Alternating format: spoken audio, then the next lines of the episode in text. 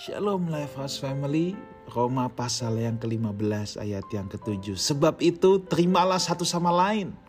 Sama seperti Kristus juga telah menerima kita untuk kemuliaan Allah. Saudara ketika kita masih kecil pasti kita pernah bertengkar dengan adik atau kakak kita. Ya.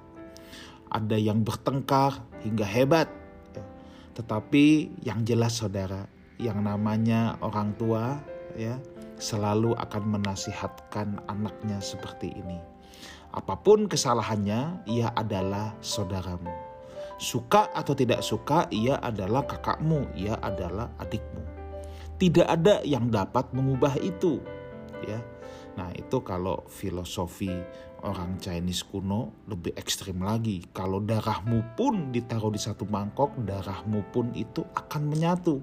Itu hal yang tidak dapat dibantahkan mau sampai kapan kalian bertengkar? Nah, itu kan sering kali orang tua menyatakan itu kepada anak-anak yang sedang bertengkar, saudara ya, bahwa kita harus saling menerima, saling mengampuni, karena bagaimanapun kita saudara dan tidak ada yang dapat mengubah hal itu. Apa yang Paulus katakan kepada jemaat di Roma adalah hal yang sama. Kita juga satu keluarga dalam Kristus.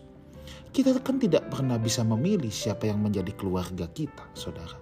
Keluarga itu adalah anugerah yang Tuhan berikan. Kita nggak bisa milih di mana kita dilahirkan, orang tua jenis apa. Paulus pun menasehati jemaat di Roma agar menerima satu sama lain sebagaimana Kristus telah menerima kita dengan semua kelemahan kita. Kita harus meneladani Kristus kita yang kuat harus menanggung mereka yang lemah dan tidak mencari kesenangan diri sendiri.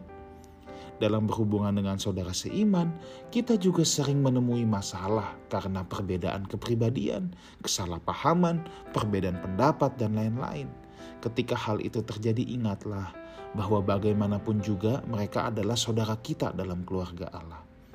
Saudara, janganlah menjauhi dan mengucilkan orang yang berbeda dengan kita atau yang kita tidak sukai. Sebaliknya, kita harus menerima, mengampuni, mengasihi mereka. Sama seperti Kristus telah menebus kita orang berdosa. Ketika kita saling mengasihi, dunia akan melihat bahwa kita adalah anak-anak Allah dan tentu namanya akan dipermuliakan.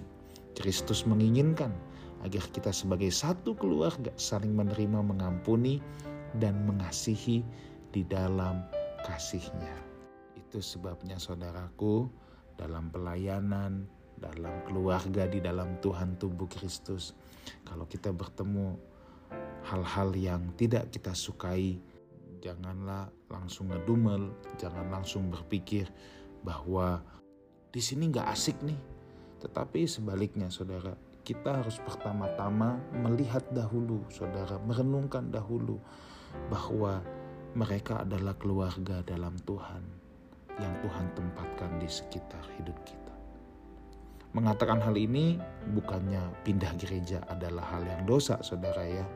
Kalau kita menemukan tempat di mana kita berkomunitas, kita tidak bertumbuh, bahkan menjadi toksik, oh ya, saudara silakan bergumul dan boleh pindah komunitas. Tetapi kalau ada hal yang sedikit kita tidak suka, lalu kita, udah, saya pindah, saya pindah. Jangan-jangan kitalah sumber masalah itu.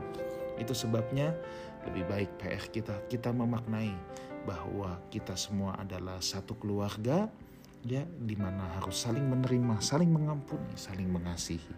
Tuhan Yesus menyertai kita semua.